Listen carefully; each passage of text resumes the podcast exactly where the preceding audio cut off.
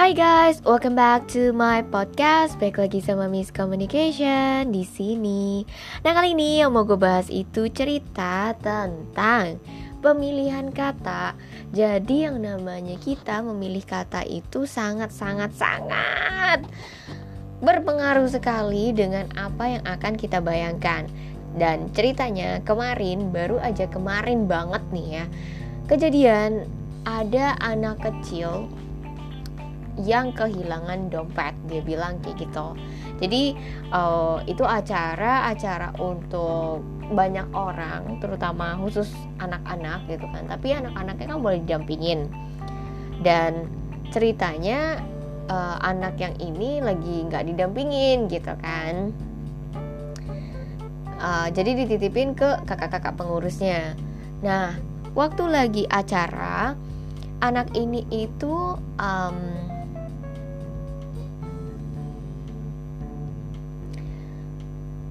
sempet jalan-jalan ke uh, ruangan satu dan ruangan dua gitu kan karena tetanggaan ruangannya jadi dia jalan gitu. Eh nggak taunya dia bilang ada dompetnya yang hilang gitu. Dompet yang hilang yang di mana dompet itu tuh bentuknya kucing dan warnanya warna biru. Nah sontak kita semua ya kaget gitu dengan um, apa yang terjadi gitu kan. Karena belum pernah kejadian ini tuh terjadi selama acara beberapa kali acara bahkan bertahun-tahun acara. Dan anak ini kehilangan dompet. Jadilah timbul praduga-praduga yang gak enak gitu kan. Apalagi ternyata ada mantan kakak pengurus di sana yang bercerita kalau dulu itu pernah ada kejadian barang hilang dan ternyata pelakunya itu salah satu uh, yang nemenin anak-anak itu gitu. Bukan kakak pengurusnya tapi orang yang menemani anak itu gitu. Bahkan orang tua katanya gitu kan. Nah jadi kan kita kaget ya apalagi ini anak. Kata temen gue itu ada um, apa or, kayak adaan gitu loh. Karena tasnya adalah tas gas terus abis itu waktu dibuka tasnya ternyata adanya kosmetik gitu kan. Jadi kaget lah dia gitu kan dan kita semua otomatis. Karena kita tuh jadi mikir aduh anak kecil sekecil itu gitu kan. Kayak baru hmm, uh, eh, TK kali mungkin. Udah bawa tas dan isinya kosmetik walaupun dia bilang bukan tas dia tas kakaknya gitu kan. Jadi dia itu bawa tas itu dan dompet gitu. Dan masalahnya anak sekecil itu udah bawa dompet tuh kayak gak habis pikir aja gitu kan. Apalagi kita mikir dompet adalah tempat untuk menyimpan uang gitu nah sampai akhirnya temen gue um, gak enak gitu. Dan gak enak juga satu sisi sama pengunjung gak enak juga sama kita semua gitu kan. Dan kasihan juga sama anak ini yang kehilangan dompetnya. Sampai akhirnya itu tuh jadi sebuah pelajaran untuk kita semua. Buat pengisi acara ataupun pengunjung agar lebih memperhatikan barang-barang pribadi yang masing-masing gitu. Jadi waktu pergi lagi minta uh, berkat atau ngapain gitu kan. Bawa aja barang-barangnya. Dan itu juga akan lebih um, apa ya lebih baik lah ke depannya. Jadi ada kejadian itu tuh untuk seolah-olah belajar bahwa barang-barang kita itu tuh penting gitu loh. Orang-orang um, itu juga perlu menjaga barang-barang penting mereka gitu karena ya kita nggak mau kan sampai ada kejadian jelek terjadi gitu. Apalagi ini kejadian ada dompet anak kecil yang hilang berbentuk kucing berwarna biru gitu. Jadi dalam pikiran gua nih ya waktu itu dompetnya cetakan kucing warna kucingnya biru udah gitu. Terus gue pikir-pikir lagi hah emang ada dompet yang bener-bener nyetak kucing gitu kan sampai akhirnya gue mikir oh mungkin uang koin kali ya yang bisa apa namanya dompet koin yang ada gambar kucingnya. Jadi ada telinganya bentuk kucing gitu. Gue pikir gitu. Dan ya udah kita semua akhirnya sibuk cariin itu dompet ke mana-mana dan akhirnya itu tetap nggak nemu. Sampai akhirnya nggak tahu gimana ceritanya salah satu pengurus itu bisa menemukan dompet itu gitu kan di bawah kolong jadi jatuh lah kayaknya ngegelinding ke kolong gitu. Pas ada pensil jatuh pengurus ini lihat dan nemuin gitu. Dan anehnya waktu datang waktu ditanyain ke anak itu itukah benar yang dia cari? Dan katanya iya gitu. Dan kalian semua tahu itu dompet kata anak itu dompet. Ternyata tuh bukan dompet. Ternyata kotak pensil berbentuk kucing isinya pensil dan berwarna abu-abu bukan berwarna biru yang biru itu adalah resletingnya. Coba bayangkan imajinasi kita, apalagi gua gitu kan, dompet cetakan kucing dan warnanya biru gitu kan. Sedangkan ini kenyataannya adalah dom uh, kotak pensil berbentuk silinder, berkepala kucing dan isinya pensil. Jadi ini dompet atau pensil? pensil case jadi itu bukan dompet tapi kotak pensil makanya anak itu bilang kalau misalnya dompet kucingnya itu tidak muat dimasukkan ke dalam tas karena tasnya kan kecil. Terus gue mikir kalau dompet bukannya kecil ya itu tasnya tuh cukup loh menurut gue untuk dompet gitu kan. Sampai ya akhirnya terbukti bahwa yang dia cari bukanlah dompet melainkan kotak pensil berbentuk kucing berwarna abu dan uh, memiliki sletingnya warna biru.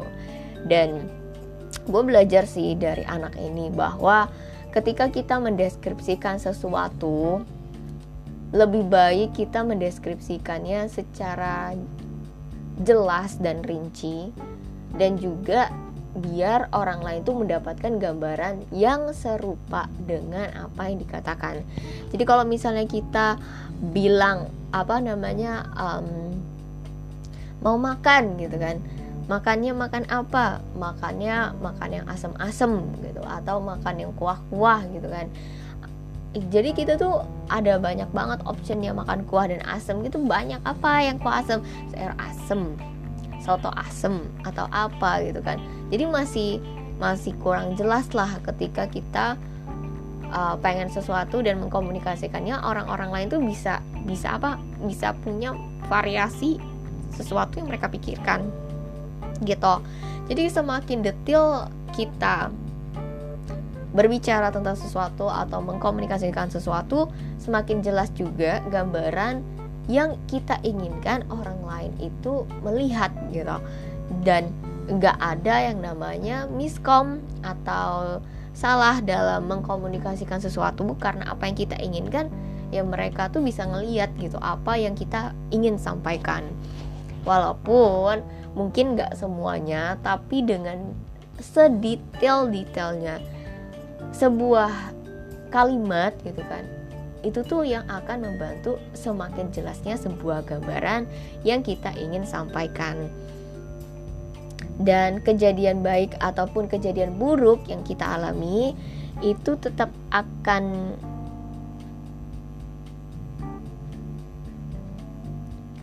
tetap akan apa namanya tetap akan ini tetap akan jalanin apa yang kita mau gitu apa yang kita mau dan apa yang kita ingin sampaikan dan apa yang kita katakan di dalam hidupnya kita. Kesimpulannya, kata bisa membuat kita berpikir tentang hal yang berbeda. Contoh kayak kejadian ini adalah dompet dan kotak pensil itu agak beda jauh ya. Dompet ya buat isi duit gitu, kotak pensil ya buat isi pensil gitu kan. Dan karena hal ini gue jadi berpikir kalau misalnya pemilihan kata itu penting banget loh. Contoh, saya mau makan dan saya akan makan dan saya makan itu juga punya arti yang beda gitu. Saya mau makan berarti mungkin iya mungkin enggak. Saya akan makan sudah pasti iya cuman nggak tahu kapan gitu kan. Tapi kalau saya makan ya udah lagi dilakuin makanannya dan sekarang saatnya gitu. Dan dari sini gue belajar juga untuk apa ya memilih kata yang baik untuk kita juga untuk gue terutama dalam um, berpikir contohnya dalam berpikir baik positif ataupun negatif gitu kan baik yang baik ataupun yang buruk. Dan juga baik apa yang kita lakukan. Dan karena hal itu gue belajar satu hal bahwa satu kata itu bisa bermakna banyak gitu. Satu kata bisa membuat orang berpikir ya macam-macam gitu. Tapi dengan satu kata juga itu bisa menyelesaikan masalah. Apa itu? Maaf. Terima kasih. Dan bersyukur. Gitu. Maaf kalau misalnya salah. Terima kasih kalau misalnya sudah mendapatkan berkat. Dan bersyukur di dalam hati. Tapi kalau misalnya menurut gue satu hal lagi yang paling penting selain maaf dan terima kasih minta tolong. Tolong ya tolong ya. Karena kalau misalnya suruh dan tolong mungkin sebenarnya suruh ini udah jadi kata yang biasa ya gitu. Tapi kan suruh itu adalah orang yang punya otoritas otoriter tinggi ke yang rendah gitu kan.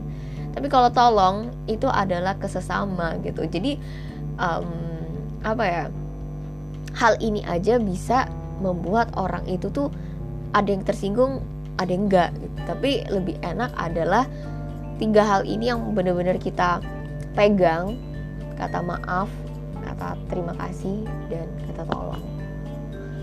So guys I think this is all for today. Semoga apa yang gue sampaikan di sini bisa bermanfaat untuk teman-teman sekalian. Jangan sampai bisa salah dalam menggambarkan sesuatu seperti kejadian ini pensil dan dompet it, eh, kotak pensil dan dompet itu benar-benar dua hal yang berbeda. Walaupun kalau dipikir-pikir kotak pensil bisa dijadiin buat isi taruh duit sih.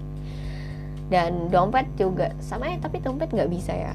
Dompet yang buat duit aja atau kartu gitu ya.